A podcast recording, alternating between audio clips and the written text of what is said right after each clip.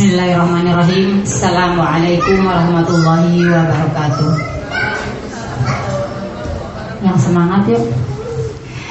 Uh, Nanti duduknya diatur ya Biar yang depan-depan dulu yang dipenuhi. Bismillah. Assalamualaikum warahmatullahi wabarakatuh. Bismillahirrahmanirrahim. Nahmaduhu wa nasta'inuhu wa nastaghfiruh ونعوذ بالله من شرور أنفسنا ومن سيئات أعمالنا من يهده الله فلا مضل له ومن يضلله فلا هادي له أشهد أن لا إله إلا الله وأشهد أن محمدا عبده ورسوله لا نبي ولا رسول بعده اللهم صل وسلم وبارك وأنعم على حبيبنا محمد وعلى آله وأصحابه ومن تبعه بإحسان إلى يوم الدين أما بعد Alhamdulillah Marilah kita bersyukur kepada Allah Subhanahu wa taala pada kesempatan yang berbahagia ini di hari Jumat yang penuh dengan keberkahan. Allah Subhanahu wa taala karuniakan kepada kita waktu yang berharga, waktu di mana kita bisa belajar bersama-sama memperbaiki keluarga kita. Kita tema kita pada uh, kajian laju ini adalah tema-tema tentang keluarga. Mudah-mudahan dengan adanya majelis ini kita jadi semakin banyak untuk belajar membenahi keluarga kita agar tujuan hidup kita di dunia ini sebagaimana tujuan penciptaan kita untuk beribadah kepada Allah Subhanahu wa taala sehingga semua aktivitas kita terhitung sebagai ibadah di hadapan Allah Subhanahu wa taala. Sedangkan semua ibadah itu ada aturannya, harus ada ilmunya, tujuannya harus jelas. Jadi kita di dunia ini tidak membuang-buang waktu. Karena waktu kita sangat terbatas sekali. Allah memberikan umur kepada kita dibatasi dengan ketetapan yang sudah Allah tetapkan untuk kita. Harapannya waktu yang singkat ini bisa untuk mengukir amal soleh bagi kita semuanya sehingga kelak kita kembali kepada Allah bisa mempertanggungjawabkan semua perbuatan-perbuatan kita. Nah, mendidik anak di dalam keluarga, mendidik anak itu eh, objek didiknya itu kan anak kita. Itu adalah generasi, generasi negeri ini, generasi yang akan mengurusi agama kita, yang akan melanjutkan nasab kita. Yang akan menentukan nasib umat manusia. Jadi nggak main-main karena hasil dari proses pendidikan adalah generasi. Maka ketika kita tidak memperhatikan ya perkara pendidikan ini maka kualitas generasi itulah nanti yang akan menjadi korbannya.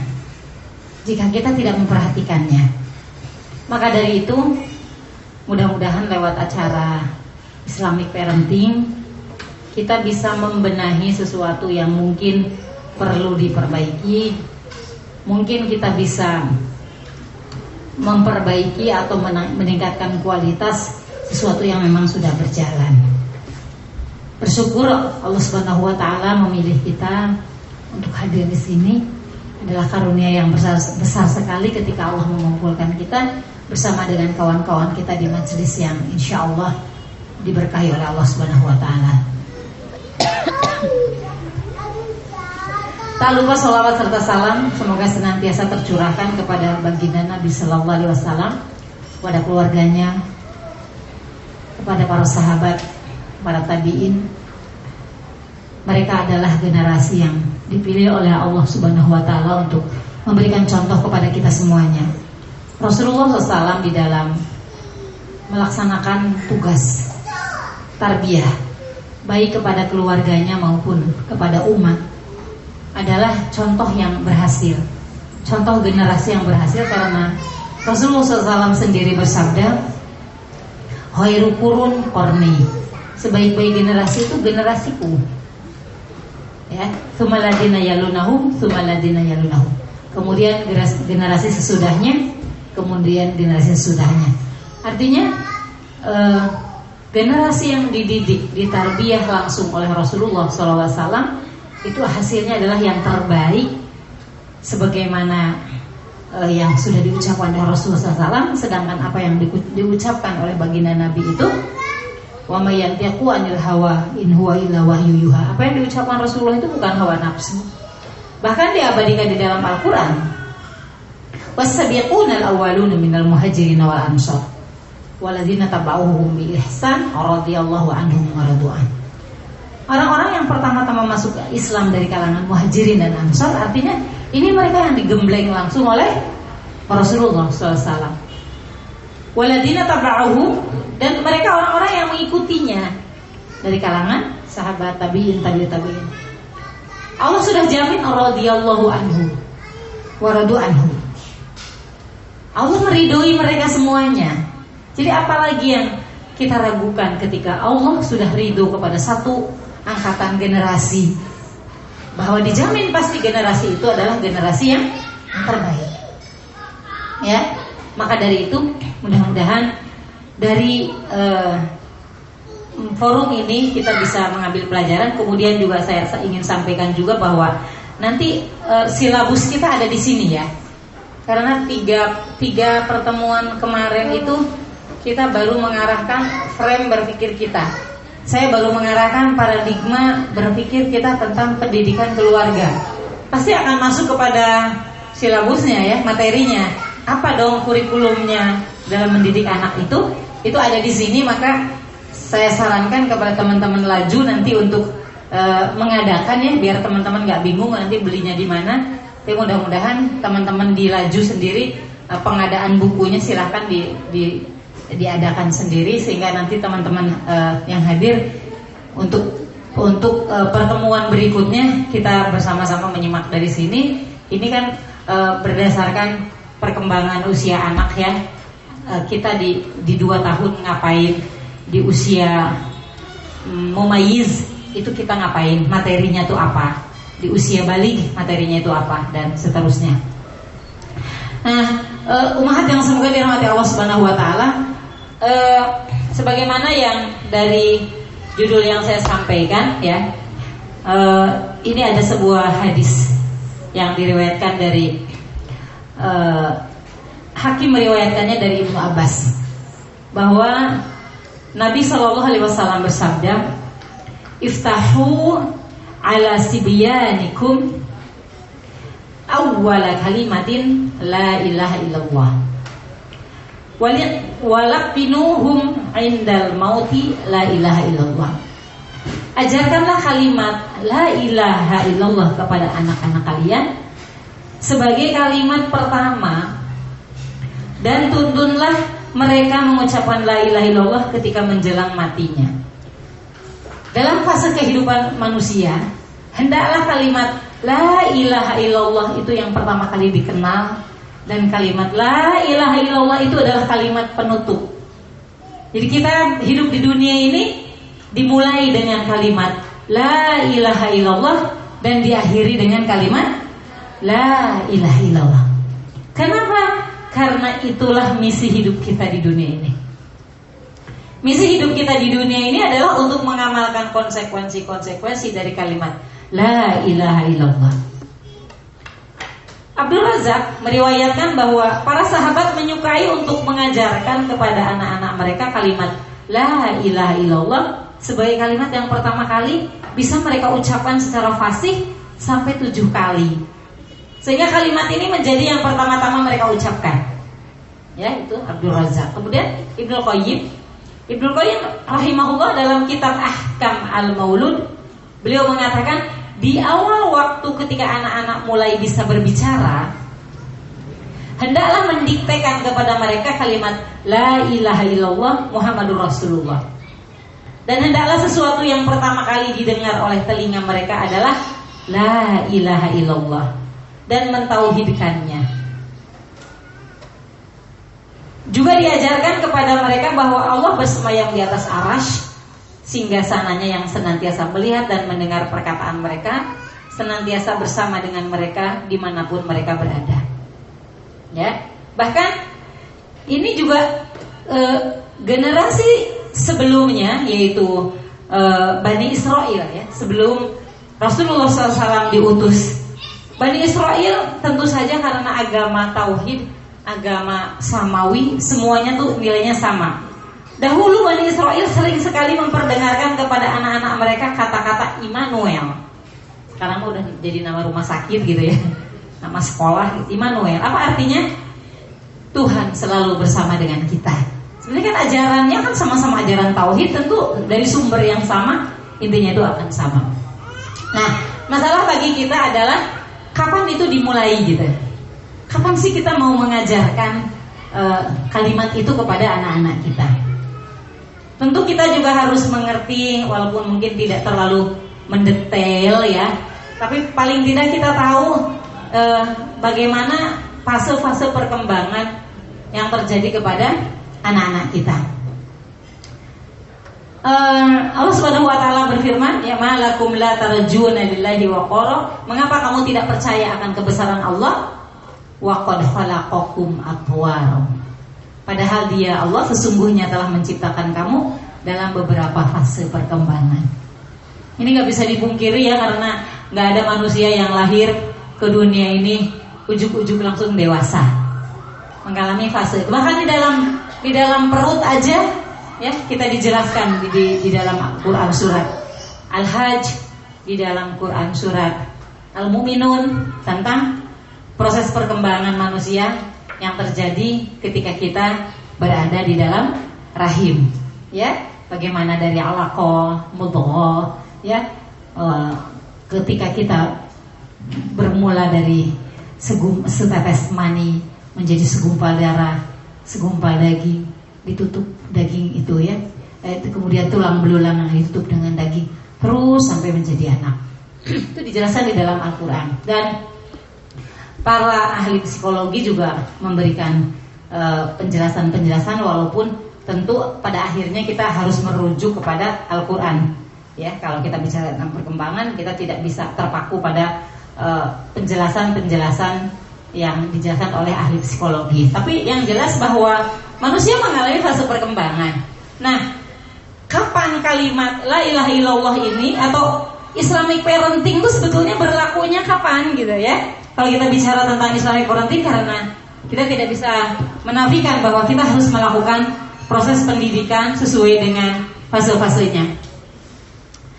Uh, ini fase-fase ya yang yang pembagian kalau ini pembagian berdasarkan psikologi barat itu ya membaginya e, berdasarkan usia-usia ya atau e, ini kalau berdasarkan e, fikih ya fikih keluarga e, itu agak berbeda sedikit dengan e, kalau kalau berdasarkan fikih itu nggak terlalu banyak pembagiannya ya di mana ada mas, masa kanak ya anak-anak kemudian mumayiz, kemudian balik dan dewasa ya. Nah, kapan sebetulnya Islamic parenting itu kapan dimulainya? Ya. Uh, kalau berdasarkan uh, ketika dia anak sudah lahir maka dimulai dari usia 0 pembagian pembagiannya 0 sampai 2 karena 0 sampai 2 tahun itu itu dibagi menjadi satu kelompok perkembangan karena dia masih fase menyusui. Ya, ya kenapa enggak 0 sampai 3 gitu ya? Kenapa enggak 0 sampai 3? Kenapa 0 sampai 2? Karena 0 sampai 2 itu di dalam Islam itu adalah fase tersendiri ya di mana di situ menjadi uh, fokus tugas seorang ibu di mana sentuhan udah lebih banyak dengan ibu, interaksi bayi itu lebih banyak dengan ibu, ya. Nah, apa yang terjadi di usia 0 sampai 2 tahun kepada anak? Perkembangan fisiknya seperti apa, ya?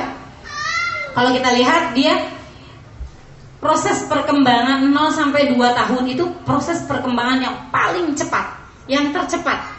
Karena kalau kayak kita sekarang nih, udah 50 tahun ke atas, itu kan nggak kayak kayak gak ada bedanya ya dari misalkan dalam fase 10 tahun nih dari 50 ke 60 kan secara fisik malah justru menurun ya walaupun ada yang tidak terlalu menurun gitu tapi perkembangannya kan tidak sepesat di usia 0 sampai 2 tahun Ya misalkan refleks kita, motorik kita gitu ya.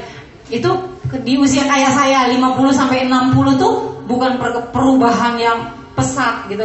Kita ini berbeda sedikit aja kan teman kita langsung bereaksi gitu. Oh kok sekarang kurus, kok sekarang gemuk gitu. Paling itu aja gitu. Tapi kalau 0 sampai 2 tahun itu memang pesat gitu ya. Perubahannya tuh oh, beda. Misalnya tentang refleks ya. Eh, anak-anak anak sudah mulai menggenggam ya. E, kemudian kita lihat ya dia sudah ada kaget gitu ya. Sematanya sudah mulai e, bisa melihat sekeliling tidak cuma fokus ke satu arah saja. Kakinya sudah menjejak tuh biasanya kalau menjejak itu tergantung latihan ya. Ya nggak bu dulu waktu saya anak saya baru anak pertama anak menjejak itu eh, belum berani gitu yang angkat-angkat begitu. Anak kedua lebih cepat menjejak daripada anak pertama. Kan anak pertama kita takut salah ya takut salah. Sekarang cucu saya empat bulan udah udah tegak udah bisa menjejak-jejak gitu. Karena kitanya udah biasa melatih anak-anak ya. Bahkan ada salah satu ustazah yang pertama kali masuk ke rumah Quran itu usia anaknya sudah enam bulan nggak bisa ngapa-ngapain kayak bayi dua bulan karena itu rangsangan-rangsangannya kurang gitu ya. Uh, kemudian mengalami perkembangan refleks mengenai perkembangan perseptual ya, bagaimana ketajaman visualnya. Dia juga mengalami perkembangan otak ya. Dan kalau kita lihat dari gambar ini ternyata percepatan sel-sel otak tuh cepet banget gitu ya ibu. Coba per pertama lahir itu ya kan? Dendrit dendrit itu masih sedikit ya. Tapi ketika 24 bulan itu sudah lebih sempurna ya sudah lebih rapat ya.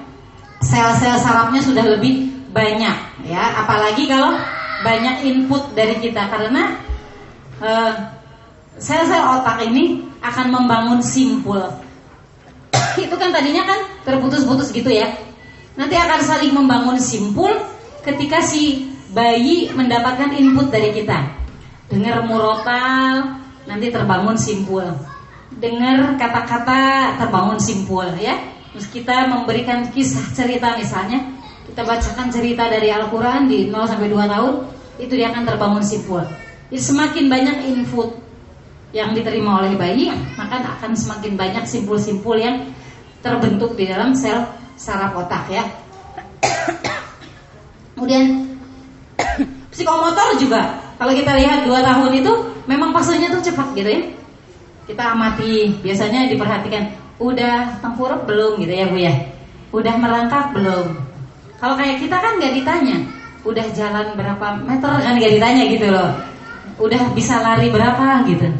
Ya, udah bisa naik motor kan nggak ditanya gitu karena kalau di usia kayak kita. Tapi kalau di usia 0 sampai 2 tahun itu udah bisa apa gitu.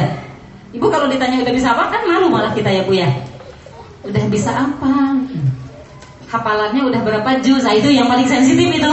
Ya, paling malu itu ditanya, hafalannya udah berapa juz gitu. Ya. Mengalami proses perkembangan. Bahkan kadang mengalami proses kemunduran. Ya Bu ya, kalau di usia kayak kita bahkan mungkin mengalami proses kemunduran ya nggak Bu? Ada nggak yang pernah menghafal satu juz kemudian enam bulan kemudian lupa? Saya itu yang langsung paling tinggi. saya pernah ikut daurah menghafal Al-Quran ya, hafal sekian lah ya, hafal saya lebih dari separuh lah gitu dari Al-Quran gitu. Habis itu jarang muroja, lupa lagi gitu ya. Kalau kita kemunduran iya gitu. Tapi kalau 0 sampai 2 itu udah bisa apa gitu? Itu kayaknya pertanyaan yang logis banget gitu kita tanya. Udah bisa apa? Udah bisa tengkurap belum? Udah bisa jalan belum? Udah ada giginya belum gitu. Karena memang proses perkembangan yang sangat cepat sekali. Sehingga ini adalah uh, sangat sangat kesempatan yang sangat berharga, kesempatan emas ya. Jangan sampai kita melewatkan fase ini padahal dia fase yang sangat dekat dengan kita. Dia fase menyusui, ya. Sehingga ini menjadi otoritas ibu lebih besar di usia 0 sampai 0 sampai 2 tahun ya. Perkembangan sosialnya juga dari mulai bayi yang tidak bisa bicara di akhir usia 2 tahun kan dia udah bisa bicara ya. Ya kan? Usia 2 tahun bahkan udah bisa naik tangga, udah bisa berbicara gitu ya. Uh, udah udah mulai berteman, udah mulai uh, apa namanya? Udah saling rebutan mainan atau berbagi gitu ya, udah ngerti dikasih tahu tuh udah udah mulai ngerti ya awal-awal sebelum dua tahun itu itu artinya ada sebuah proses perkembangan. Nah, kita mau isi apa? Kita mau isi apa anak-anak kita di usia itu gitu. Kalau sekarang udah lewat Umi anak saya sudah gede-gede. Gak apa-apa nanti kita memperbaikinya dari cucu-cucu kita ya. Paling tidak kita informasikan. Paling tidak kita tahu oh kita dulu pernah melakukan dulu misalkan kayak usia saya nih. Kok dulu saya tidak melakukan itu di, di usia anak-anak saya seusia itu? Ya kita akan banyak maklum dengan anak kita gitu. Jadi nggak nggak ada bilang ah percuma aja saya ikut Islamic parenting gitu. Usia saya kan udah lewat anak-anak saya udah nggak ada yang di fase ini. Gak ada yang tidak bermanfaat ilmu itu. Paling tidak, ketika kita tidak melakukan itu, kita menjadi tahu diri, jangan menuntut banyak kepada anak kita. Ya kan? Kita dulu tidak melakukan ini, tidak melakukan Islamic parenting terhadap anak di usia 0 sampai 2 tahun. Ya sekarang kita banyak maklum dengan kesalahan-kesalahan anak kita. Ya kan, oh dulu dia tidak mendapatkan sentuhan pendidikan yang optimal karena kitanya belum belum tahu gitu. Jadi gak ada ilmu yang tidak bermanfaat ya ibu-ibu. Nah sehingga apa strategi yang perlu kita uh, terapkan untuk anak-anak di usia ini gitu ya. Nah bagaimana rangsangan auditorinya ya rangsangan terhadap rasa terhadap sentuhan karena ada orang bu ada orang yang nggak biasa mendapatkan sentuhan dia kalau disentuh itu uh, risih gitu ya nah itu karena anak memang tidak atau dari kecil memang dia jarang mendapatkan sentuhan-sentuhan. Nah kan bahaya kalau disentuh sama suaminya begini-begini kan itu jadi bahaya gitu kan. Suami mendekati dia menjauh. Suami mau pegang tangan dia lepaskan. Suami mau peluk dia lari kan berbahaya gitu ya. Ada orang-orang yang tidak sensitif uh, ada orang-orang yang anti gitu ya dengan sentuhan-sentuhan karena apa? Karena ternyata emang dari kecil dia kurang mendapatkan sentuhan ya. Sehingga Bismillah uh, untuk mobil Nopol 1877 AEE menghalangi jalan mohon dipindahkan 1877 AEE mobilnya apa? Mobilnya apa teh? Ini ibu, kendaraan ibu-ibu mah suka enggak enggak sama motor nomor mobilnya? Enggak enggak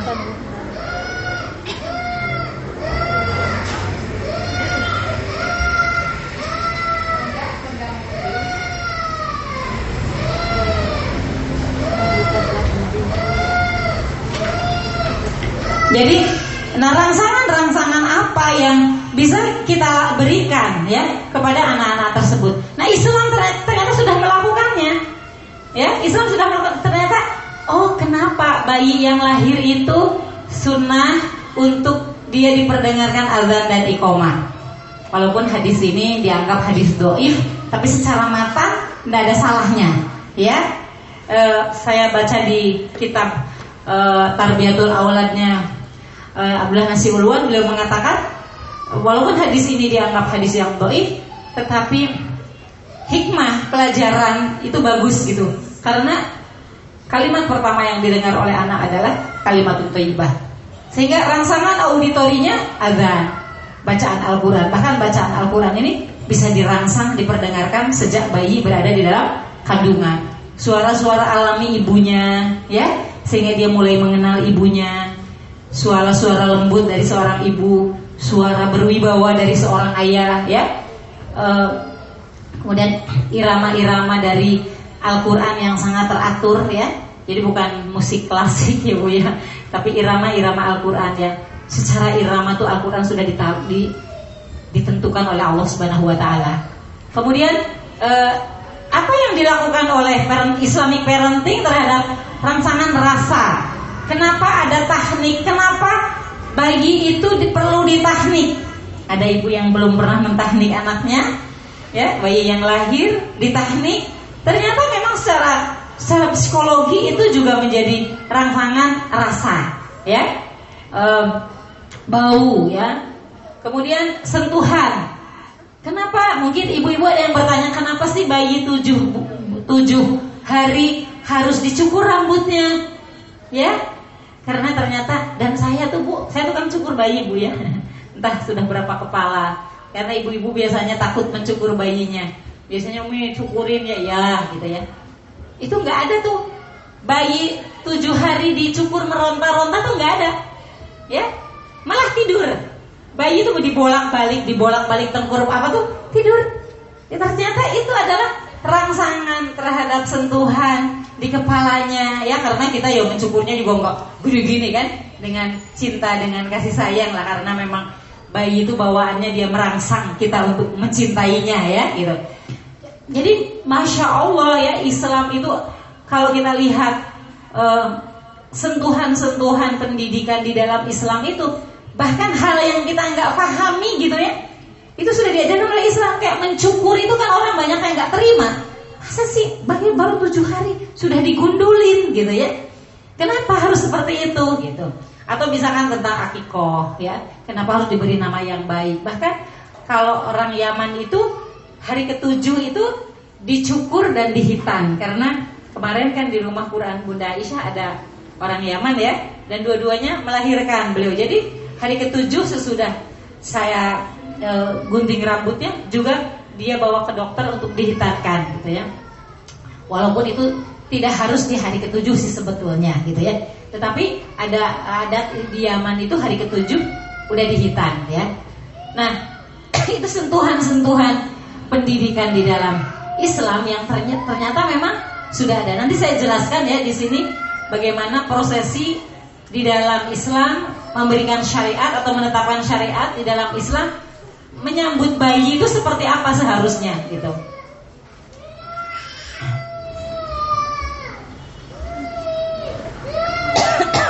Allah Subhanahu wa taala berfirman di dalam Al-Qur'an surat An-Nahl.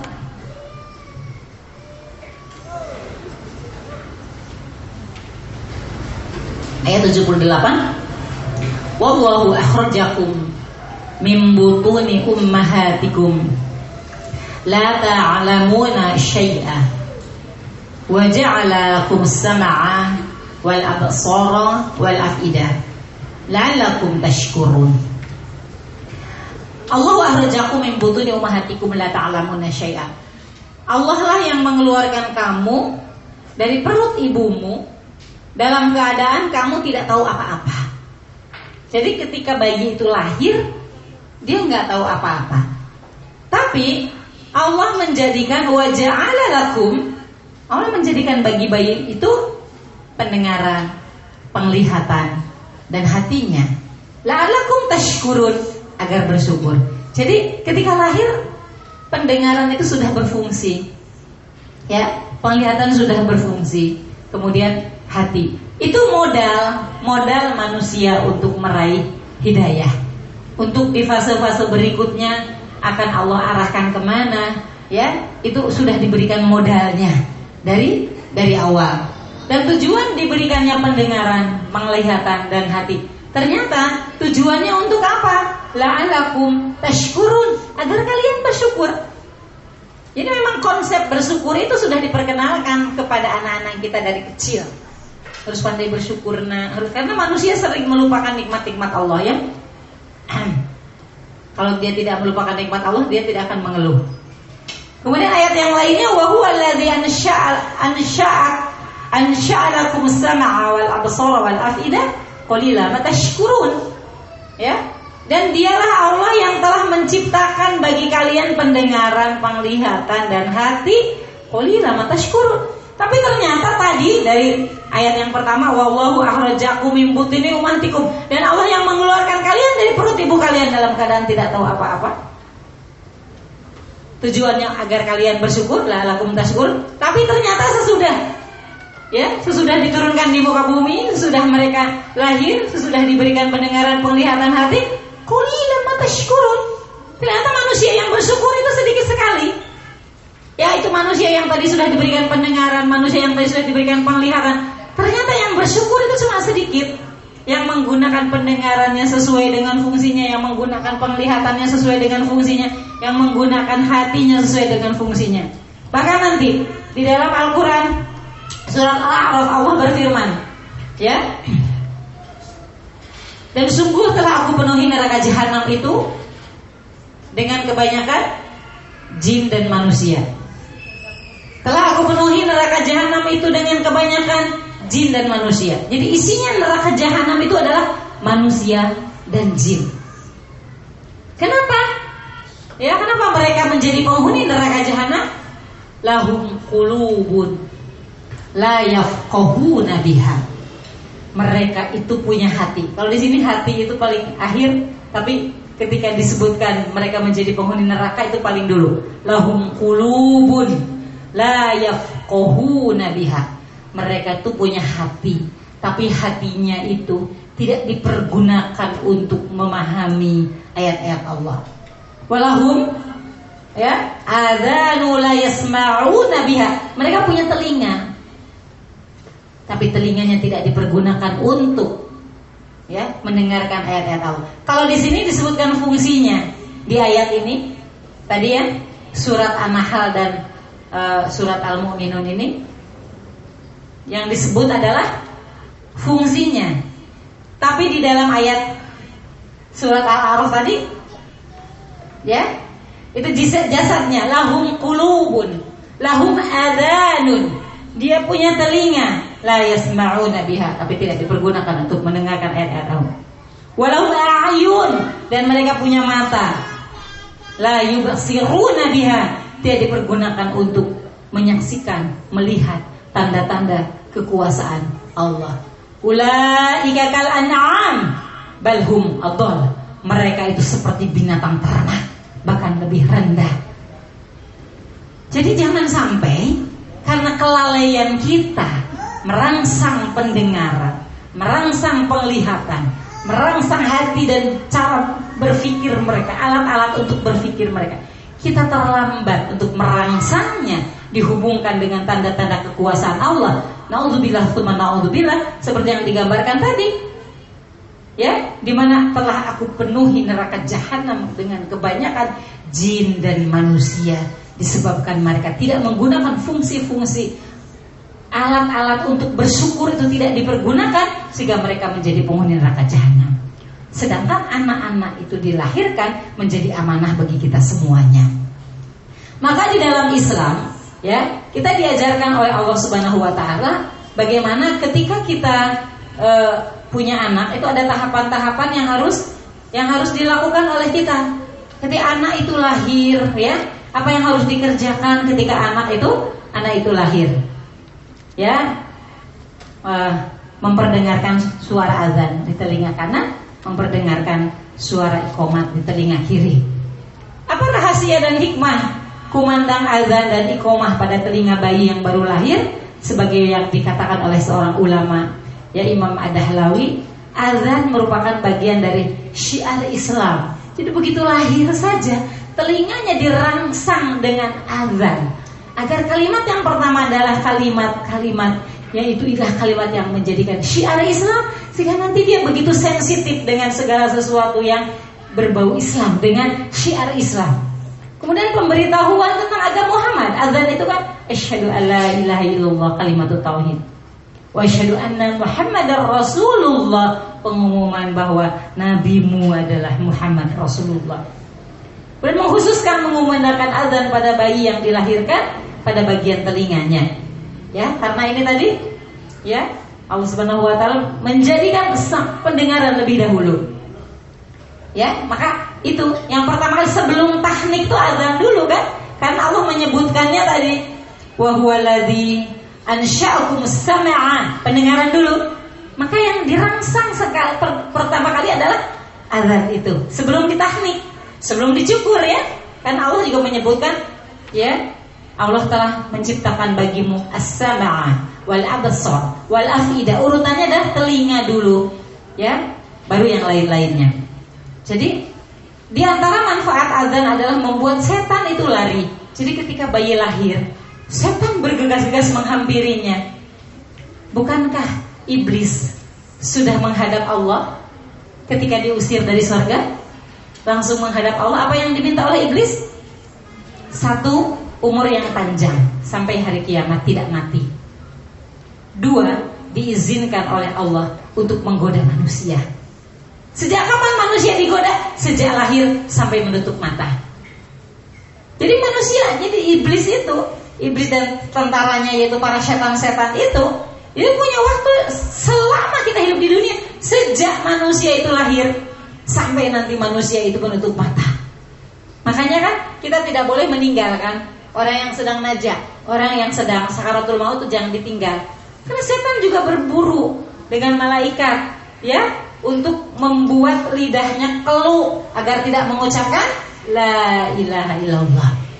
Begitupun ketika bayi lahir, bayi lahir menangis, maka langsung diperdengarkan ada sehingga ketika setan itu menghampirinya, setannya akan akan lari. Itu kata Syekh Imam Ad-Dahlawi. Ya kenapa harus diperdengarkan azan? Kemudian sudah diperdengarkan azan, mentahniknya. ya, dalam Sahih Bukhari, tahu ibunya mentahnik ya? Ya kalau sekarang kan Rasulullah tidak ada. Boleh oleh ayahnya. Jika ada orang dekat yang lebih soleh dari ayahnya, boleh oleh guru, oleh ulama. Ternyata kakeknya lebih soleh, boleh oleh kakeknya, gitu ya? Seperti itu ya. Dalam Sahih Bukhari dan, dan Muslim disebutkan riwayat dari Abu Musa bahwa dia berkata, aku dikaruniai seorang anak Lalu aku bawa dia ke hadapan Nabi Shallallahu Alaihi Wasallam. Beliau kemudian menamainya Ibrahim dan mentahniknya dengan sebiji kurma. Dalam riwayat Bukhari terdapat tambahan dan beliau mendoakan keberkahan untuk anaknya lalu mengembalikannya kepadaku. Kemudian dalam kedua kitab Sahih tersebut juga disebutkan riwayat dari Hisham bin, U, bin Urwah dari Asma. Ya, Asma itu istrinya Zubair bin Awam. Ya Bu ya, Zubair bin Awam itu masih apanya apanya ibunda Khadijah? Masih sepupunya ibunda Khadijah ya? Ya bu. Ya gitu. Apanya Abu Bakar bu? Zubair bin Awam menantunya Abu Bakar ya masih ada keluarga juga dengan baginda Nabi juga masih ada hubungan keluarga ya bahwa dia berkata Aku keluar hijrah dari Mekah menuju Madinah. Sedangkan aku sedang hamil tua. Lalu aku singgah di Kuba dan akhirnya aku melahirkan di sana. Kemudian aku letakkan dia di pangkuan beliau. Beliau lantas mendoakan dengan sebiji kurma. Ya. Ini ketika mengandung Abdullah bin Zubair. Asma ya. Asma mengandung Abdullah bin Zubair dan Abdullah bin Zubair itu bayi pertama kali yang lahir di Madinah. Ya, Kemudian aku letakkan dia di pangkuan beliau. Beliau lantas mendoakannya dengan sebiji kurma yang beliau punya terlebih dahulu. Lalu beliau mengeluarkannya lagi, maka makanan pertama yang masuk ke dalam mulutnya adalah kurma yang tercampur dengan air liur Rasulullah SAW. Yang kita baru tahu sekarang ya, ternyata di dalam air liur itu banyak enzimnya. Enzim bercampur dengan kurma, yang kurma juga mengandung enzim juga. Ya, ternyata itu adalah baik untuk pencernaan. Jadi menyiapkan pencernaan untuk menerima fase berikutnya yaitu ASI ya. Kemudian beliau mentahniknya dengan kurma tersebut, mendoakan kebaikan untuknya serta memohonkan berkah baginya. Abdullah adalah anak yang pertama-tama lahir di Madinah dari kalangan muhajirin. Orang-orang pun sangat berbahagia menyambut kelahiran Abdullah bin Zubair ini Sebab sebelumnya telah tersiar di tengah-tengah mereka bahwa kaum Yahudi telah menyihir mereka sehingga tidak akan bisa melahirkan ya. Jadi itu contoh-contoh hadis yang menjelaskan tentang proses teknik ya. Jadi anak kita sudah terlanjur besar dan tidak ditahnik ya. Nah, sekarang cucunya ditahnik oleh neneknya ya. Ini kan neneknya udah ngaji. Yang udah punya nenek, yang udah punya cucu nih. Kan neneknya udah pada ngaji. Gimana cara mentahnik? Jadi kalau di rumah kita ada orang hamil, sediakan korma, jangan burau brojo nyari korma dulu. Sebelumnya kan hamil itu kan 8 bulan, 9 bulan kan. Belikan korma. Jangan bilang habis waktu lahiran nggak ada korma yang nggak beli. Nggak beli nggak ada korma gitu kan. Hamil itu 9 bulan. Ya, sediakan memang korma. Ya, kalau beli bisa beli yang lembut, belilah yang lembut. Kemudian dikunyah, karena dia bercampur dengan air liur, maka carilah orang soleh yang air liurnya lebih baik, lebih baik, yang jarang menggibah gitu ya, yang banyak dari lisannya keluar zikir, ya keluar air. Kemudian disentuhkan ke langit-langit si si bayi itu. Jadi yang pertama makanan yang pertama kali masuk ke dalam e, mulutnya adalah kurma. Itu hikmah dari teknik ya ibu-ibu ya tentang teknik jadi itu ternyata di dalam ilmu psikologi tadi itu adalah rangsangan terhadap rasa ya rangsangan mulutnya sudah mulai dirangsang dengan apa dengan tadi menteknik tadi ya. E, kemudian e, hari ketujuh diberi nama. Jadi kalau teknik berarti sebelum hari ketujuh ya, lebih cepat lebih baik. Baru lahir di teknik itu lebih lebih baik sehingga dia siap nanti untuk dia sarap-sarapnya tuh dirangsang dengan menteknik itu sarap-sarapnya dirangsang. Karena bayi itu untuk menemukan mulutnya dengan dengan puting susu itu kan harus butuh proses ya Bu ya. Nah, proses teknik itu mempercepat, merangsang dia untuk memudahkan dia nanti ya ketika menyusu tuh menyedotnya dengan menyedot dengan baik gitu. Kemudian di hari ketujuh memberi namanya, memberi nama dengan nama yang baik, ya. Uh, Allah Subhanahu Wa Taala berfirman kepunyaan Allah lah nama-nama yang baik. Maka mohonlah kepadanya dengan menyebut nama-nama yang baik itu. Allah saja punya nama-nama yang yang baik dan Rasulullah SAW menganjurkan kepada kita untuk memberi nama kepada anak dengan nama yang baik karena itu anak itu akan dipanggil dengan namanya di dunia dan dia akan dipanggil nanti di akhirat dengan nama itu. Maka berikan nama-nama yang yang baik. Boleh gak mengganti nama? Boleh, ya.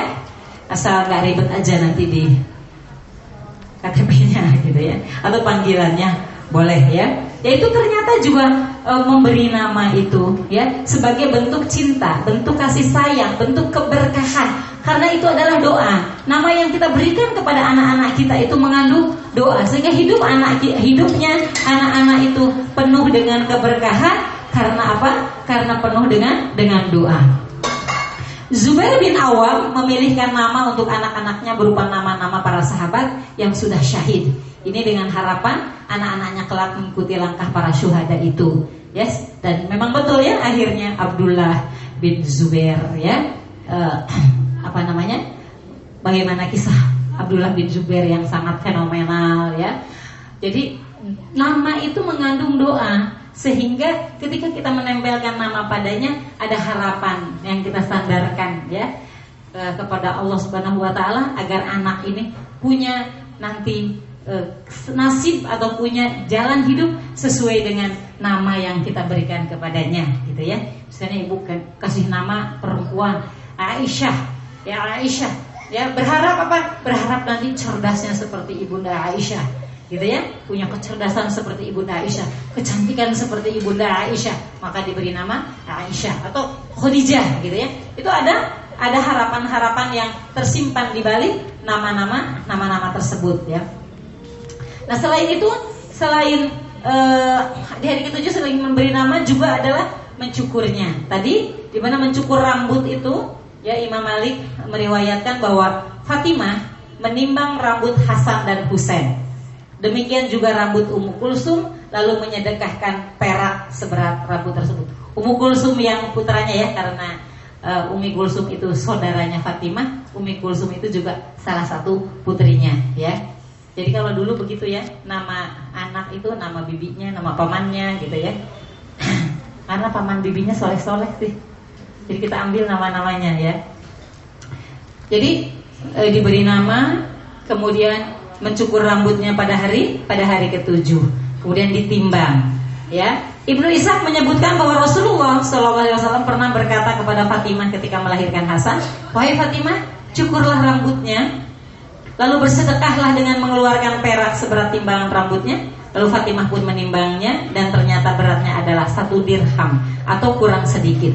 Dan perak, tidak emas. Karena apa? Kalau emas takut berat, gitu ya, karena tidak semuanya mampu. Maka sedekahnya dengan emas. Jadi bayi ini sudah dirangsang ya untuk melakukan sedekah. Walaupun yang sedekah adalah ibunya. Tapi nanti kita ceritakan kamu tuh lo dulu waktu lahir udah sedekah dengan rambutmu ya ditimbang dengan perak gitu ya. Sehingga itu nanti menjadi rangsangan rangsangan kepada anak.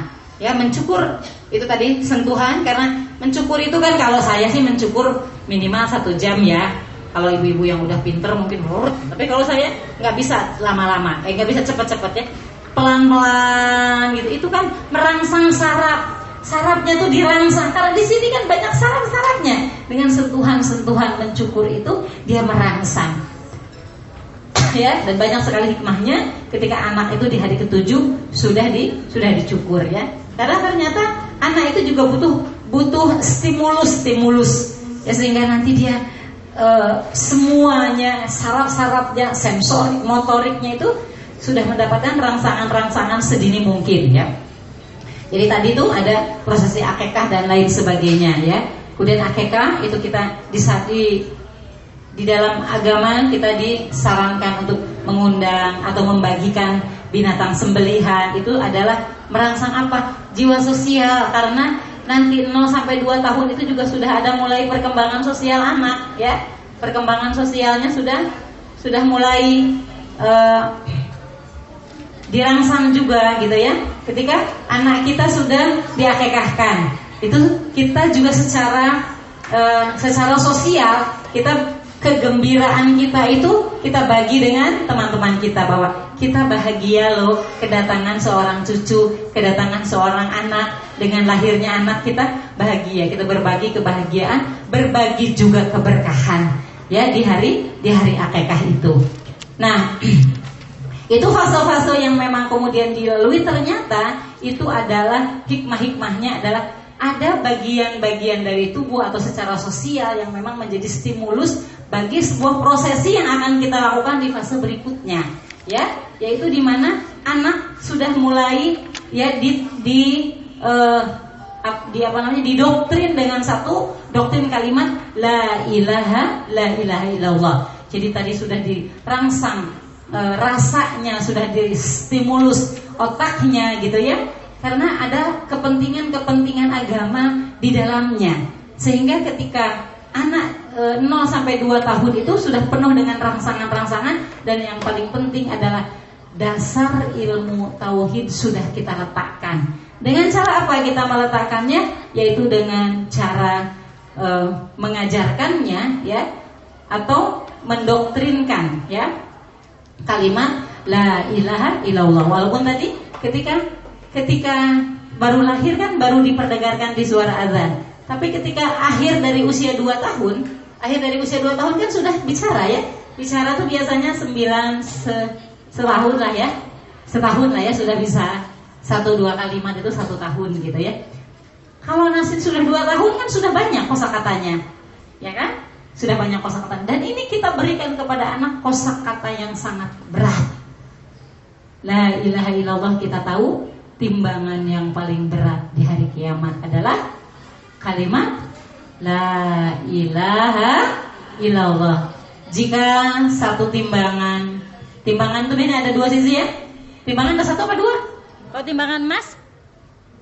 Dua ya? Satunya kalimat la ilaha illallah. Yang satunya bumi dan langit seisinya Bumi seisinya. Yang satunya adalah kalimat la ilaha illallah. Saya akan lebih berat.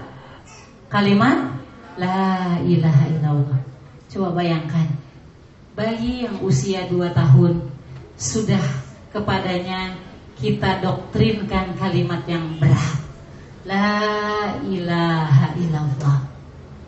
Dihafalkan sampai anak itu bisa mengucapkannya. La ilaha illallah. Ya, kalau orang Sunda kan gini, la ilaha illallah. Eh, udah bisa geleng-geleng kepala gitu ya kan? Orang Sunda kan gitu. La ilaha sampai gak apa-apa gitu kan? Anak kan emang suka dengan sesuatu yang sesuatu yang bergerak itu kan suka, nggak apa-apa gitu. Neneknya biasanya paling cerewet, la ilaha illallah. Kayak gimana geleng-geleng kepala, la ilaha illallah. Itu nenek kita udah ngajarin sebetulnya ya kan? Orang Sunda kan nggak asing kayak begitu. Kumaha cina geleng-geleng kepala gini, la ilaha illallah. Kitanya aja yang nggak nge, malah sekarang udah diganti lagi dengan yang lain. Kumaha cina pari jaipong, dung dung dung dung dung malah gitu, ya kan? Padahal udah bagus tuh nenek kita tuh. Gimana la ilaha illallah? Geleng-geleng kepala. La ilaha illallah. Nah, ternyata itu memang ajarannya para ulama. Itu ajaran Nabi bahwa yang didoktrinkan pertama kali kepada bayi itu ilaha illallah. Dari bayi dia sudah biasa menerima kalimat yang berat. Ya, yang berat kalimatnya la ilaha illallah. Karena sebetulnya ibu-ibu ini kan berdasarkan penelitian ya bahwa sebanyak apa kosakata yang tersimpan di dalam otak itu, maka lebih banyak kosakata, lebih cerdas orang itu. Dan kita nih orang-orang Islam tuh dari kecil sudah diajarkan berapa kosakata dari Al-Qur'an coba. Di surat Al-Baqarah aja. Kalau diterjemahkan yang tentunya kalau terjemahannya tidak setinggi nilainya dengan ayat-ayat Al-Qur'an ya. Alif lam mim zalikal kitabul la raiba fihi hudal lil muttaqin. Itu sudah berapa kosakata? Kalau kita ajarkan kepada anak-anak surat Al-Fatihah saja. Alhamdulillahi Rabbil Alamin Segala puji bagi Allah Kalau anak nanya Allah itu apa mah? Rabbil Alamin Rob itu apa mah? Kita jadi mengajarkan kosakata Bu, ibu pernah nggak ketemu orang yang pikirannya pendek? Saya soalnya beberapa punya. Jadi ada orang yang kalau dinasehati baper. Nasihat itu baper.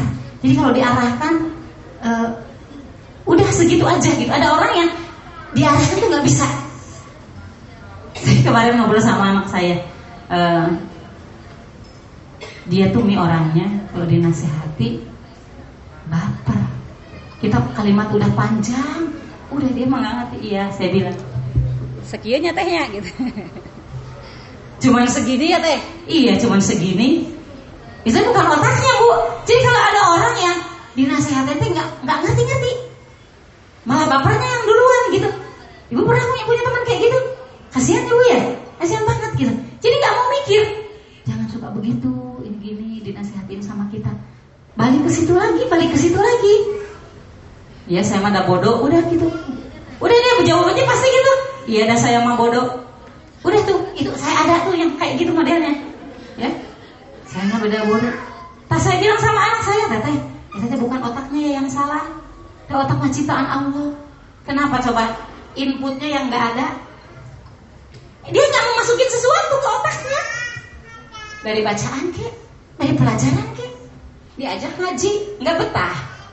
Diajak ngaji ngobrol di, di sudut sana. Ya, diajak tahsin nggak betah jadi uh, udah dinasehati juga susah gitu. Kasihan banget. Jadi bukan otak, jangan salahkan otak, jangan suka nyalahin otak.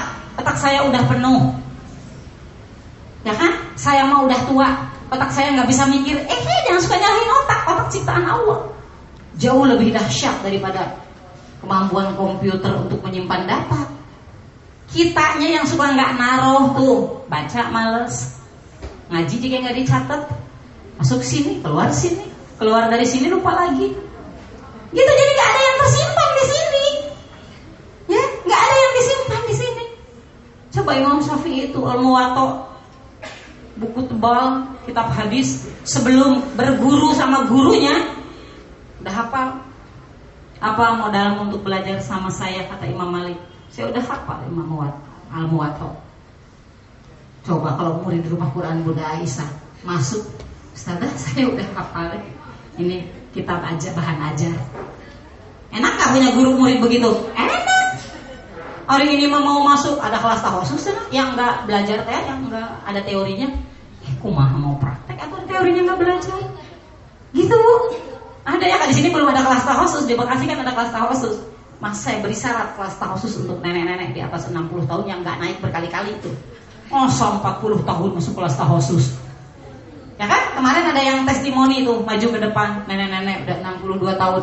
Dia nggak mau masuk kelas khusus BBQ 2. Saya nggak apa-apa nggak naik-naik di BBQ 2. Oh, keren itu.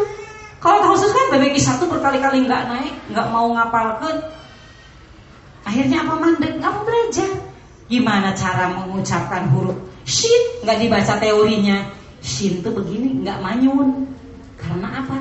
Yang keluar tuh udara didorong keluar bukan shin manyun manyun tapi salah wae gitu. Ya nah nggak mau baca teorinya. Saya nggak mau teorinya nggak mau ujian eh gimana mau naik atau tingkatnya kalau nggak mau ujian? Nah kita mah nggak boleh begitu bu. Otak kita punya kemampuan yang luar biasa. Tapi diisi tak kalau nggak diisi mah sekian kayak tadi kan kalau dinasehatin saya mah ada bodoh. Udah gitu. Nggak mau mikir gitu. Nah karena tadi kurang diisi. Coba bayangkan Islam mengajarkan kepada kita anak di 0 sampai 2 tahun diisi dengan kalimat yang berat yang digambarkan dalam hadis jika satu timbangan diletakkan kalimat la ilaha illallah, satu timbangan lagi seluruh bumi dan isinya masih berat kepada kalimat la ilaha illallah. Dan itu tuh diberikan kepada anak kecil. Hebatnya Islam itu begitu. Jadi dari kecil emang anak sudah dibebani sebuah beban syariat. Ini loh kalimat yang nanti menjadi misi hidupmu. La ilaha illallah. Tidak ada Tuhan yang disembah. Tidak ada Tuhan yang satu-satunya itu kecuali Allah saja. Nanti itu yang akan merangsang. Dan itu adalah memang sudah fitrah juga. Gak akan berat sebetulnya. Kenapa? Karena Allah sudah menanamkan fitrah itu di dalam jiwa manusia. Ya, walakut darokna eh walak Wa idh akhadha rabbuka min bani adama min duhurihim. Dan ingatlah ketika Allah mengeluarkan manusia dari tulang sulbinya. Kemudian Allah mengambil kesaksian dan mensahadatkan. Di alam ruh sebelum kita lahir ke dunia ini, kita pernah bersyahadat. Alas tu birobiku. Qaulu bala syahidna. Kita sudah berjumpa dulu dengan Allah, sudah ketemu dengan Allah. Alas tu birobiku. Kamu mengakui aku ini Robmu? Bala syahidna. Kita sudah mengakui, sudah bersahadat. Jadi ketika keluar dari perut ibu, ya, kemudian dia dalam proses perkembangan 0 sampai 2 tahun, dia diperkenalkan dengan kalimat la ilaha illallah. Itu enggak aneh, kenapa? Fitrahnya udah ada. Aplikasinya udah ada, Bu, di handphone udah ada aplikasinya, tinggal klik gitu. Kita ada ada Traveloka, mau pakai Traveloka kan tinggal klik gitu ta. Kalau ibu nggak ada Traveloka, ibu ngeklik ngeklik juga nggak dapet. Nah itu tuh sudah ada aplikasinya di sini nih. Udah ditanamkan sama Allah kalimat la ilaha illallah dari sejak kita berada dalam perut itu sudah ada modalnya. Jadi kalimat la ilaha illallah yang diucapkan ketika dia 0 sampai 2 tahun itu sebagai bentuk aktivasi aja. Makanya diulang lagi, diulang lagi, diulang lagi. Makanya kami punya tahu Ibu tahfid usia dini. Tahfid usia dini nanti di sini mah belum ya, di sini tenaganya kan belum banyak. Ibu-ibu yang banyak atau daftar ke rumah Quran bersih kepala linter sih enggak nararai. Nanti jadi guru, jadi di sini nanti banyak programnya, ya. Belajar ibu-ibu ada ada murid rumah Quran di sini? Ada? Lagi pada belajar ya jangan-jangan. ya.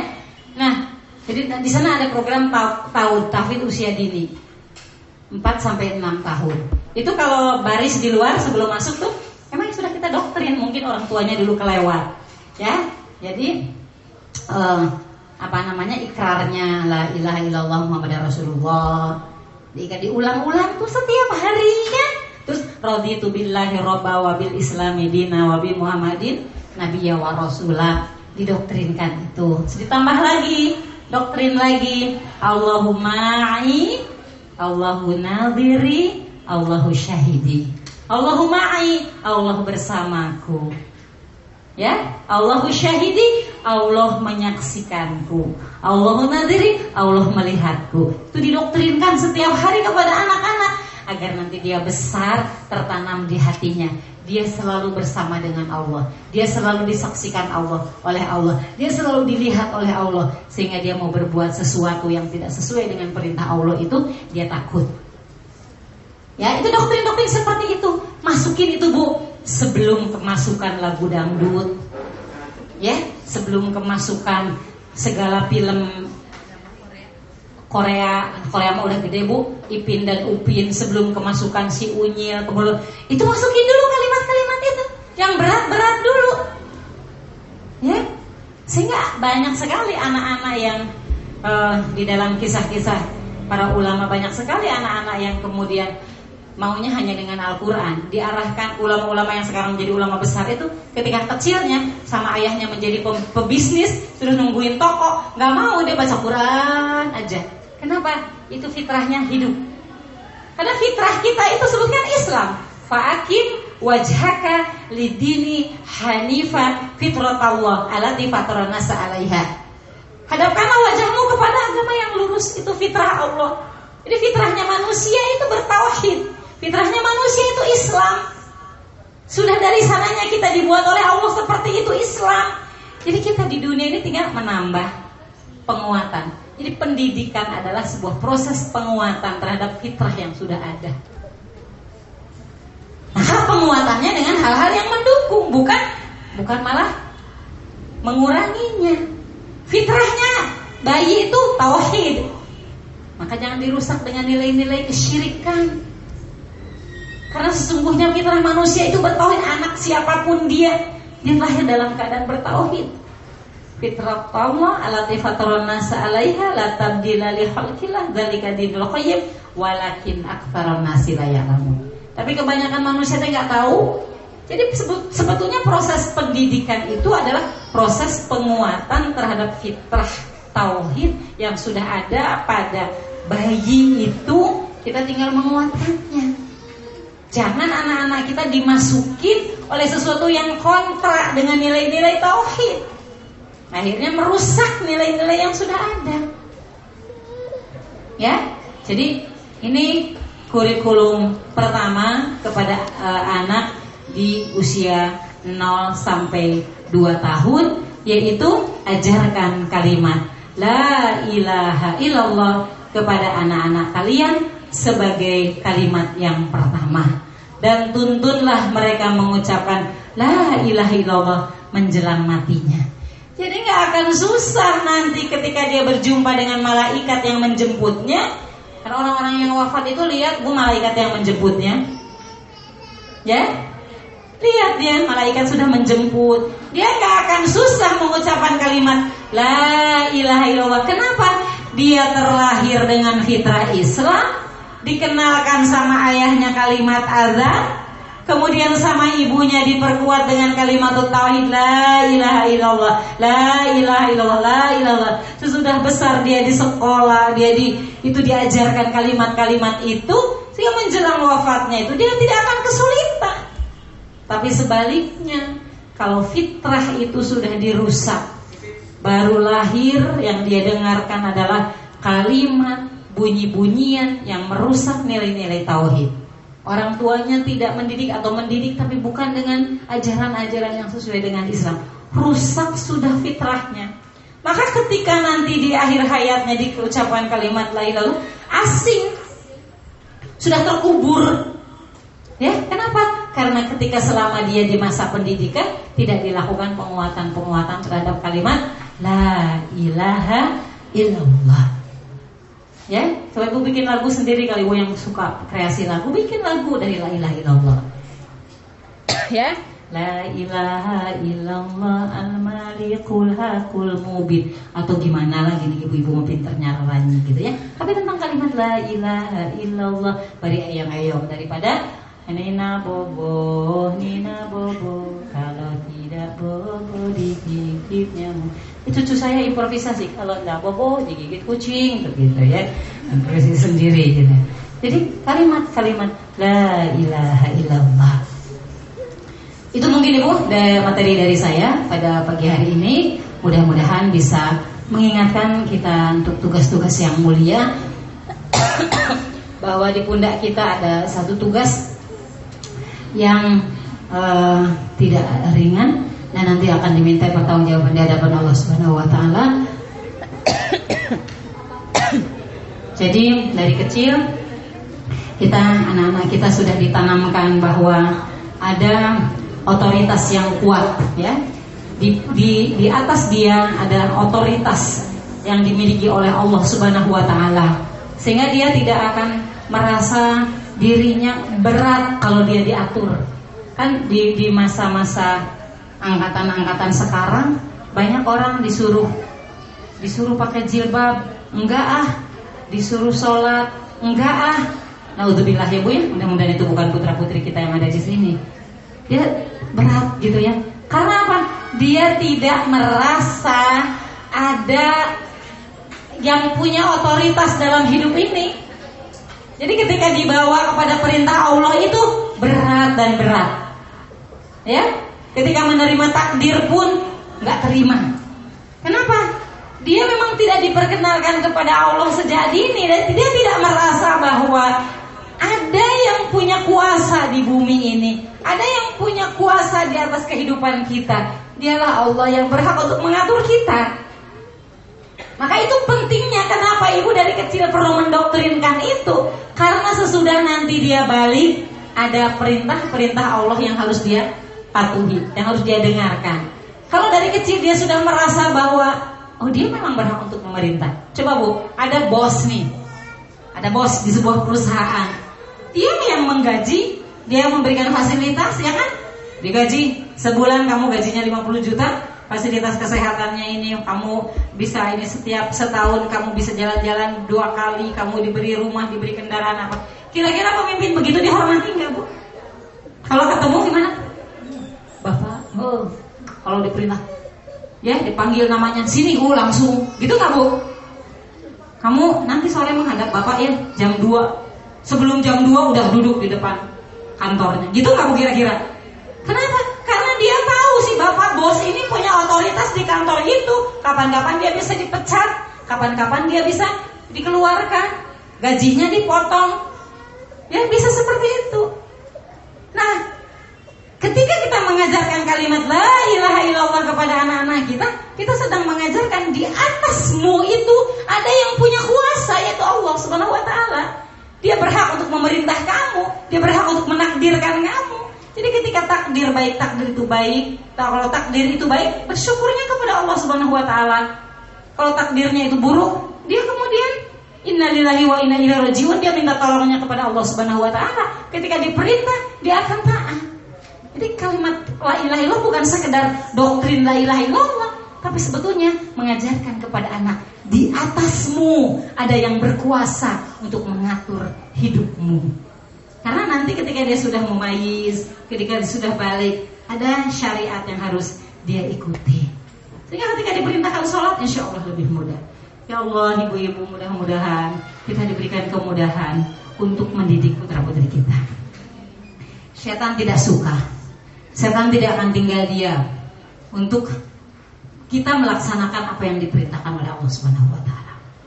Ya, dilupakan ketika lahiran saking sakitnya lupa mengadankan. Pada itu untuk musir setan, lupa mengikomahkan, lupa mengakekohkan, lupa mencukurnya, lupa mentahniknya, lupa semuanya. Naudzubillah teman. Siapa yang melupakan? Setan melupakan kita. Kenapa? Karena setan punya kepentingan terhadap anak-anak kita semuanya. Dia punya kepentingan untuk mengambil ya Bani Adam ini untuk menemaninya di neraka. Maka setan tidak akan suka. Sehingga kita menganggap Aduh ya Allah berat sekali ya mendidik anak. Iya. Tidak mudah memang. Butuh perjuangan dari kita. Kita mengingatkan diri sendiri. Jangan nunggu motivasi dari orang. Ya, saya suka bingung kalau orang datang, Umi motivasi saya untuk, eh motivasi itu dari diri sendiri atau datang kita sendiri yang pengen masuk surga, kita kepengen menjadi orang yang baik. Kita harus pandai memotivasi diri sendiri. Kalau anak kita nggak soleh, kita yang merugi, maka didik anak menjadi soleh. Ya, kalau rumah tangga itu tidak harmonis, kita yang rugi. Maka bagaimana menjaga rumah tangga agar tetap harmonis? Mendidik anak itu bukan menyulap simsalabim, maka dari kecil kita rawat. Bagaimana prosesi itu ada di dalam rumah kita. Suaminya belum paham hak, diajak atau difahamkan. Karena mendidik itu emang harus berdua nggak cuma diri kita sendiri. Bukan berdua sekampung. Mendidik anak menjadi soleh itu kita butuh teman sekampung. Maka yang dibaikin orang sekampung. Ini mah suami nggak dibaikin. Mertua ah, saya yuk kita mengungsi aja. Nanti sama mertua di nah, gitu ya. Eh mertuanya diajak. Atau mama ayo ngarat. Incu mama tengah bager ini lo pelajarannya kita mengajak, kita pengen mendidik anak soleh satu orang itu, kita harus mengajak orang sekampung kita soleh semuanya. Ya kan? Nah, kita jajannya kepada orang yang soleh. Ya bu ya, ketika mau nyebrang ada yang nuntun orang yang soleh. Gitu. Diajak main sama anak tetangga yang soleh. Tukang sayur yang lewat, tukang sayurnya soleh. Kan kita butuh teman sekampung untuk mendidik generasi soleh ini. Maka kita menjadi orang Islam itu harus menjadi dari kita tuh cahaya-cahaya kebaikan harus keluar sehingga orang melihat kita bagaimana cahaya-cahaya kebaikan itu keluar dari kita karena kita butuh orang lain ya kita butuh orang lain untuk sama-sama eh, orang Islam tuh harus punya apa ya? Cahaya yang memancar dari kita yang itu cahaya itu saling tarik menarik di antara kita. Barusan saya pas mau ke sini, saya di hotel saya keluar, yang depan saya keluar, spontan saya keluar dia bilang, hei, hei, assalamualaikum. Anak saya, oh itu teman Umi, bukan. Nah, asal kayak teman, bukan ada spontan aku salam, hei, hei, assalamualaikum. Dia, pakai jilbab, saya pakai jilbab. Terus dia bilang gini, kapan ya saya kerja pakai kayak ibu gini? Insya Allah suatu waktu mbak, saya doakan. Ya udah habis itu dia pergi, ya saya juga pergi. Karena saya, Umi kenapa tadi? Enggak. Wah, saya ini kok udah spontan we gitu dia pakai jilbab, kita pakai jilbab, kita keluar berhadapan-hadapan. Hei, hei, hei, gitu ya. Assalamualaikum gitu. Ibu dari mana? Saya dari Bekasi, Pak. Dari mana? Saya dari Pekanbaru. Ada acara apa, Bu? Ada acara kajian? Iya, dia juga tahu. Paling gara-gara kajian orang kayak gini-gini mah gitu ya. Ya itu sudah sudah spontan-spontan gitu aja ya Bu ya. Sekarang kan ya akhir ciri-ciri akhir zaman itu orang hanya mengucapkan salam di antara orang-orang yang kenal aja. Ah bukan dari taklim saya, sama-sama pakai cadar, sama-sama pakai jilbab, udah weh gitu ya lewat-lewat aja gitu ya. Kalau zaman dulu tuh, zaman saya kuliah Bu, kan jarang yang pakai jilbab. Dari jauh sana yang pakai jilbab teh masih senang banget. Gitu. Gitu. Nggak kenal gitu. Saking senangnya gitu ada teman yang sama pakai jilbab. Sekarang saking banyaknya orang pakai jilbab gitu ya, sama-sama pakai cadar ya. Pak, Pak, Pak apa tuh Pak gini-gini oke, udah cuek aja gitu. Itu akhir zaman tanda-tandanya gitu ya Ibu ya. Jadi sebetulnya bagaimana kita memancarkan nilai-nilai positif dari diri kita. Ternyata kita untuk mendidik generasi itu butuh teman-teman juga untuk saling memberikan kekuatan. Mudah-mudahan yang saya sampaikan ini uh, menjadi ada manfaatnya untuk saya sendiri, untuk ibu-ibu semuanya. Memang tidak mudah mengamalkannya. Memang orang beriman itu harus selalu hidup berjamaah, bersama-sama. Kita bikin kajian bersama, bikin komunitas bersama, biar soleh bersama, masuk surga bersama. Bukankah orang masuk surga itu berombong-rombongan? Ya kan? Wasiqalladzina amanu ilal jannati zumar. Ya kan? digiring para penghuni surga itu masuk ke dalam surga berombong-rombongan. Makanya mudah-mudahan kita menjadi rombongan yang digiring masuk jannah ya. Maka kita di mana saja kita berada, kita selalu berusaha untuk melakukan kebaikan, kebaikan, kebaikan. Aku lupa lihat wa astagfirullahaladzim. Assalamualaikum warahmatullahi wabarakatuh. Ya, sampai tebus sebelah sini. Alhamdulillah. Alhamdulillah jazakallah khair kepada Ustazah Umi Yustiana, masya Allah ya. Uh, puas nggak bu? Jangan puas bu.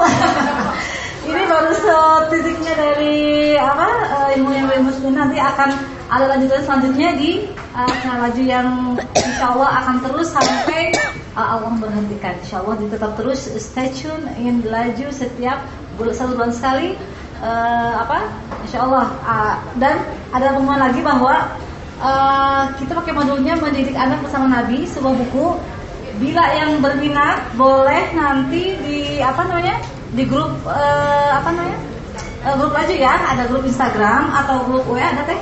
Grup WA yang belum masuk ke dalam grup uh, WA laju nanti ditandai di uh, daftar absen ya. Nanti di situ kita belum tahu harganya nanti kita share dalam grup bukunya. Jadi nanti panduannya buku ini mendidik anak bersama Nabi Insya Allah. Jadi e, mencatat iya buka punya panduannya juga iya ya. Ini mencatat tidak panduan nggak punya e, mau ngapalin mana ya? Kalau para e, apa para sahabat dahulu atau para ulama e, sebentar dengar juga langsung hafal. Imam Syafi'i main-main tangan apa udah ke tangan dikanya main-main taunya sedang menyimak masya Allah ya. Kalau kita kan jauh ya seperti itu jadi uh, harus memakai alat tulis dan buku panduan insya Allah ya baik uh, sambil menunggu boleh ada yang ditanyakan uh, silakan ibu yang belakang ya.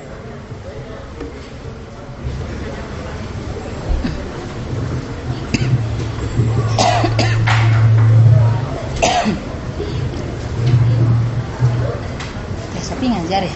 Siapa? Ngajar. Assalamualaikum warahmatullahi wabarakatuh. Ada di sini. Assalamualaikum warahmatullahi wabarakatuh. Bu di dalam hadis Rasulullah ya, salam ada ungkapan kulu mauludin yuladu alal fitro. Setiap anak yang dilahirkan keadaan bersih suci ya.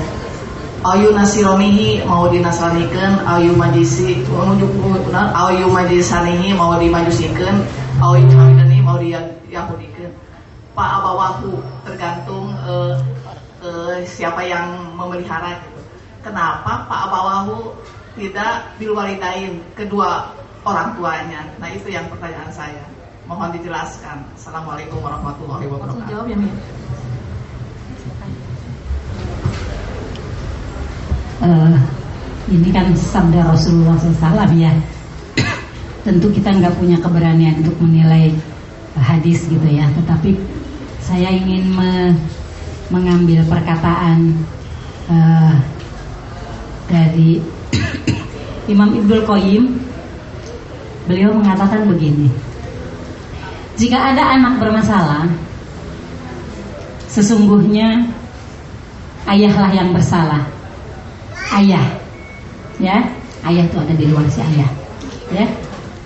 Jadi Imam Ibnul Qayyim mengatakan kalau ada anak-anak yang tidak terdidik dengan baik kalau ada ada anak-anak yang bermasalah sesungguhnya ayah yang bersalah kan ayat ini juga kan eh, perkataan Ibnu Imam Ibnul Qayyim ini juga tidak tidak bertentangan dengan ar-rijalu qawwamuna 'ala nisa.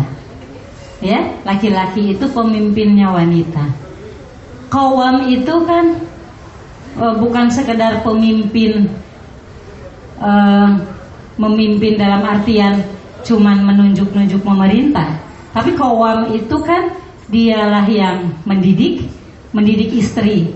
Kan kalau di dalam uh, pemahaman kita al-umu madrasatul ula. Tetapi sebelum umu ini mendidik, ar-rijalu nisa. Jadi si laki-laki ini harus punya kemampuan mendidik istrinya, baru nanti istrinya akan mendidik anak-anaknya. Ini yang hari ini hilang, Bu. Karena sistem ekonomi di negeri kita ini jangan disembunyikan lagi, emang sistem kapitalis ya. Jadi si, si bapak teh sehari dari berangkat gelap pulang udah gelap lagi dari luar gitu ya. Sehingga kesempatan mendidik istri itu juga tidak ada. Dan bapak-bapak jika merasa bahwa kewajiban saya itu cuma mencari nafkah, mama udah di ulah diributkan yang lain-lain cinta bapak cari duit hese gitu ya. Seolah-olah satu-satunya tugas seorang ayah adalah mencari uang. Padahal ar-rijalu qawwamuna nisa itu mencari nafkah adalah di antaranya gitu karena dia juga punya kewajiban mendidik istrinya ya nah istrinya dibekali jadi kalau digambarkan dalam sebuah sekolah itu si ayah kepala sekolah kasih ibu gurunya gitu jadi yang punya silabus, yang punya kurikulum pendidikan, visi rumah tangga itu si ayah. Saya itu bu kalau ada Iwan ngasih CV ke saya, sebelum sampai ke Ahwat, Iwannya saya interogasi dulu atau CV-nya. Saya tanya dulu, apa CV pernikahannya? Kan udah tertulis cina Umi itu alim etama, etama standar pisan membangun rumah tangga yang sakinah semua juga mau begitu. Saya mau tanya ke antum, apa tujuan antum menikah? kan udah ditulis mau mau mau yang panjang lebar sok apa? Gitu ya. Kalau pengen soleh pengen sakinah nanti sakinah sakinah si istri yang suruh solehah kamunya nggak soleh kumaha kan saya tanya tuh gimana pendidikan anak tanggung jawab siapa? Gitu bu telusuri dulu nih apalagi kalau mau minta kadar kita yang bagus-bagus enak aja itu kita udah mendidiknya sekian tahun ya dia ambil aja gitu di kekupan nanti nggak boleh ngapa-ngapain gitu dan anak-anak saya maka dari semua kamu mau ngambil anak saya berani-berani. Maksudnya bukan anak kandung, anak kandung saya memang udah habis bu. Ini anak-anak binaan saya mau diambil, saya negosiasinya bu kalau sama saya. Udah pada tahu kalau mau ngambil anak binaannya Umi harus berani tuh sama Umi di itu diinterogasi dulu. Enak aja saya udah bina lama-lama kok kamu ngambil. Udah gitu nggak boleh dakwah, nggak boleh ngapa-ngapain gitu kamu ke enak amat gitu. Nggak bisa gitu. Sama awati kita doktrin gitu. Tanya dulu tuh biar dia jawab panjang lebar. Boleh nggak kamu berkegiatan gitu? Udah dibina sama kita jadi ini jadi ini, suka boleh ngapa-ngapain gitu ya? gitu bu. Karena apa? Karena suami ini punya kewajiban mendidik istrinya. Rumah tangga yang sakinah tuh bukan tergantung kepada istri yang soleh saja, tapi yang soleh ini mau taat kepada siapa? Karena anak itu Anak itu kan akan mencontoh dari orang tuanya. Anak belajar kepemimpinan, belajar disiplin. Itu dari ayah. Ayah yang mengajarkan kepemimpinan. Ayah yang mengajarkan disiplin. ayah yang mengajarkan kewibawaan ibu tuh mengajarkan ketaatan nah itu harus tampil di dalam rumah tangga itu. Ada sosok yang disiplin ada sosok yang paling adan langsung ke masjid. Eh tete ayah. Ya jadi ibu tuh gini ya nak cepetnya itu apa? Itu abinya udah di, di pintu? Gitu tuh bu. Bukan ibunya yang ayo nak kata ayahnya ke ya tuh mas cina kalinya capek ya. Salah itu tuh begitu. Jadi yang bagian yang berwibawa tuh ayah gitu. Ibu tuh bagian ayo ayo cepat nanti ayah keburu marah gitu. Ayah tuh baru dehem aja udah lama. Itu penampilan seperti para ayah tuh nggak boleh hilang di rumah tangga dari ayah yang lesok begitu. Saya aja bu anak-anak saya udah rumah tangga aja. Kalau sudah saya bangunin enggak bantu sama suami. Mas mas nah, kalau suami saya baru dehem gitu. kak bangun gitu. Kalau sama kita ayo sayang ayo sayang ayo sayang bangun. Sayang sayangnya seratus kali hmm hmm gitu dan kalau sama suami mah baru dehem sekali aja udah nggak gurubu gitu. Di rumah tangga tuh harus ada yang begitu. Yang nggak banyak bicara tapi sekali merintah ditaati gitu. Kalau kita kan harus nyanyi dari salam sampai merauke dulu gitu ya. Udah gitu. Ya baik gak apa-apa lah itu. Memang ibu kerjanya begitu. Tapi anak melihat belajar ketaatan dari seorang ibu. Nah yang ditaati oleh ibu tuh siapa ya? Ayah yang berwibawa itu aduh bapak-bapak taat itu susah. Nah kalau yang ditaatinya tidak berwibawa tidak memimpin. Aduh kita tuh kita harus menciptakan sosok suami yang harus ditaati terus kita taat gitu berat ya teteh? Tuh ada bapak-bapak di luar. Ya? Jadi karunya tuh yang suaminya nggak ke sini.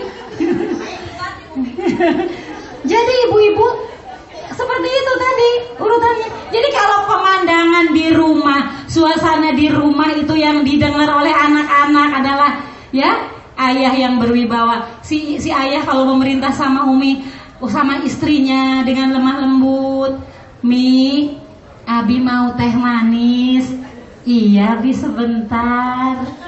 Setiap hari yang didengar teh begitu. Mi, abi berangkat dulu. Iya, bi didoakan ya, sing salamet, sing ini gitu ya. Jadi kalau tiap hari yang didengar adalah perintah yang berwibawa, iya ketaatan dari seorang istri, ya anak juga akan mudah. Tapi kalau si ibunya juga, Mi kok belum sholat, sebentar bi ini nasi gorengnya keburu angus. Mi kok belum sholat isya? Ya nih nanti masih ada cuci piring.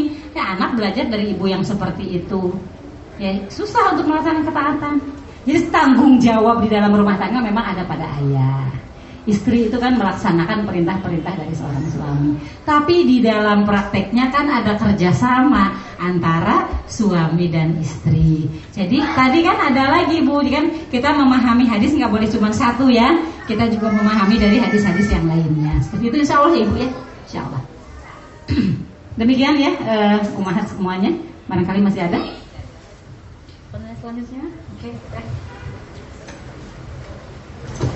Assalamualaikum Umi. Uh, jadi mungkin berhubungan dengan pertanyaan barusan yang dijelaskan sama Umi.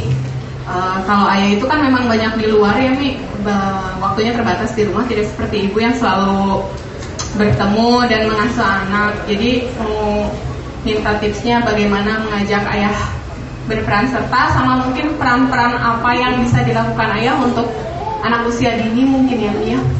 Sama satu lagi boleh sama mau minta tips juga teknik hafalan anak usia dini. Assalamualaikum warahmatullahi Bismillah. uh, ini kan problem kita ya pengajian ibu-ibu kan problemnya itu ya ngaji yang ngaji banyak ibu-ibu gitu ya bapak-bapak yang ngajinya cuma sedikit kebetulan saya juga ngajarnya ibu-ibu jadi pertanyaannya seputar itu bagaimana uh, laki-laki itu kan fitrahnya memimpin. Ya jadi jangan dipimpin sama kita. Cara mengajak suami itu beda sama kita me menyuruh anak gitu ya. Karena dia fitrahnya memimpin. Jadi jangan disalahkan kalau suami disuruh-suruh teh nggak mau gitu karena memang dia bukan untuk disuruh-suruh sama istri gitu ya. Maka kita kita yang udah ngaji, kita yang udah tahu, kita harus mengamalkan lebih dulu apa yang yang udah tahu itu ya kita yang memberikan contoh sampai suami mengakui bahwa istri saya sesudah ngaji itu lebih baik. Itu dulu, itu dulu ibu-ibu. Jadi ketika kita udah rajin ngaji, suami berkesimpulan, ya Allah istri saya sesudah ngaji itu jadi lebih soleh, lebih ramah, lebih bager, di toel seetik teh langsung nuturkan gitu ya. Saya kira suami siapa pun bakal seneng punya istri kayak begitu. Tapi kalau udah ngaji, melik keminter, ceramah di depan suami. Itu kan fitrah suami yang memang memimpin itu nggak suka digituin gitu. Paling jawabnya iya udah tahu. tahu dari mana ayah tidak nggak pernah ngaji? Ya, ya dia nonton di YouTube. Gitu kan? Jadi memang bahasanya beda kalau sama suami jangan disamain dengan anak. Nanti kalau kita udah bager, udah soleh gitu ya.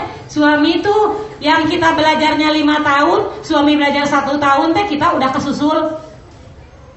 Karena suami kan suami kan mandangnya teh ke depan tapi jauh gitu ke situ. Kalau kita kan melebar gitu ya, atau dekat kan gitu. Ya. Jadi suami itu kalau nyusul ini pengalaman saya lah teman-teman lah di Bekasi di Jakarta. Suaminya yang belakangan pengajian itu bisa nyusul istrinya. Istrinya dulu kalau infakan udah 300 sudah banyak banget. Begitu suaminya dapat hidayah, suami yang ngaji, oh infaknya 30 juta gitu. Ya, jadi biasanya kalau suami walaupun belakangan dia lebih cepat mengejarnya ya, gitu. karena dia memang memimpin. Jadi kuncinya ada di kita.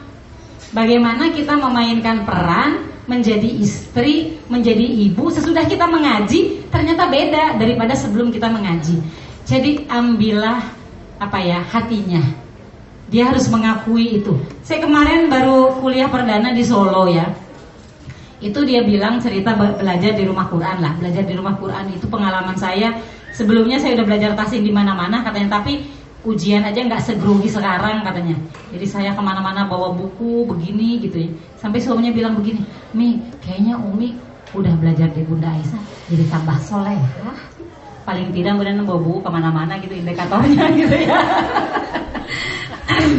jadi kita targetnya kebaikan kebaikan ya tentu saya semuanya lillahi taala ya Bu ya bukan kepengen dipuji suami bukan kita semuanya lillahi taala tapi sampai suami itu mengakui bahwa oh ternyata ngaji itu membuat istri saya menjadi lebih baik gitu. Sehingga suami itu kan jadi penasaran ngaji di mana gitu. Ya. Tapi kalau misalkan kita sesudah ngaji jadi pinter ceramah gitu. Jadi merendahkan karena banyak suami yang merasa direndahkan sama istrinya gitu ya. Papa nih yang tuh tetangga kita subuh udah ke masjid, papa nih pun. Apalagi dibanding-bandingkan pasti dia tidak suka gitu ya. Seperti itu yang pertama tipsnya jadi apa ya uh, ya laki-laki itu ya dia pengen dihormati. Laki-laki itu karena pemimpin dia pengen kelihatan berwibawa di depan istrinya pengen kekurangan-kekurangan yang nggak kelihatan sama orang gitu ya. Seperti itu. Nah psikologi kayak begitu kita harus tahu lah suami itu. Jadi kalau kita mau ngomong sama suami itu mikir dulu. Ini ini saya hari ini ada agenda mau bicara kapan di mana lihat wajahnya pas apa enggak lihat suasananya itu harus menjadikan perhatian bagi kita gitu. Jadi nggak boleh kita apa yang ada di pikiran langsung ceplos itu nggak bisa kalau untuk suami seperti itu. Semoga kita dimudahkan oleh Allah Subhanahu Wa Taala untuk melaksanakan tugas-tugas itu ya. Kemudian tips tips anak ya kepada anak balita, anak di usia dini itu ditalaki. Karena anak kan belum bisa baca, kalaupun udah bisa baca bacaannya kan belum benar. Jadi ya ditalaki saya saya lihat di tahun itu begitu misalnya. Tahun itu kan tahfidz usia dini ya dari 6 sampai dari 4 sampai 6 tahun. Lama belajarnya 2 tahun. Itu mereka selesai loh. Juz 30 tuh hafal. Jadi banyak nih anak-anak yang yang udah 2 tahun itu saya lihat kan saya ada di grupnya.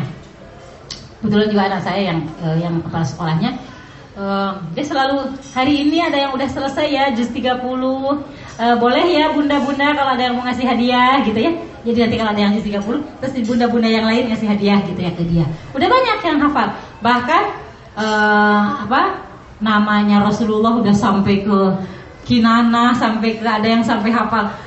Banyak gitu sampai ke di atasnya lagi gitu ya. Mereka lebih cepat menghafal. Tapi ditalaki sama gurunya. Ditalaki dengan yang benar. Misalkan amma yatasaalun diikuti gitu ya. Atau dengan irama-irama tertentu yang yang tidak menyalahi tajwidnya gitu ya nanti. Karena mereka masih harus dibimbing panjang pendeknya gunanya jadi memang ditalaki. Jadi memang ibunya harus belajar. Ibunya harus belajar tahsin biar bisa mentalaki dengan benar. Jangan sampai nanti anaknya amayata selalu nani nabail adim gitu. Salah menghafalnya. Karena apa? Karena dia belajar dari ibunya yang ibunya nggak belajar ngaji gitu. Ya? Jadi ditalaki aja. Ditalaki harus dengan sabar. A'udzu billahi minasyaitonir rajim. Diikuti sama anak ya. Amma yatasaalun. Amma yatasaalun. Berkali-kali begitu gitu ya. Lima ayat, lima ayat, mungkin sedikit-sedikit saja. Dengan talaki kalau kepada anak-anak. Jangan dia, ayo ngapal, ayo ngapal gitu. Nggak bisa, kalau anak-anak memang harus ditalaki. Gitu ya.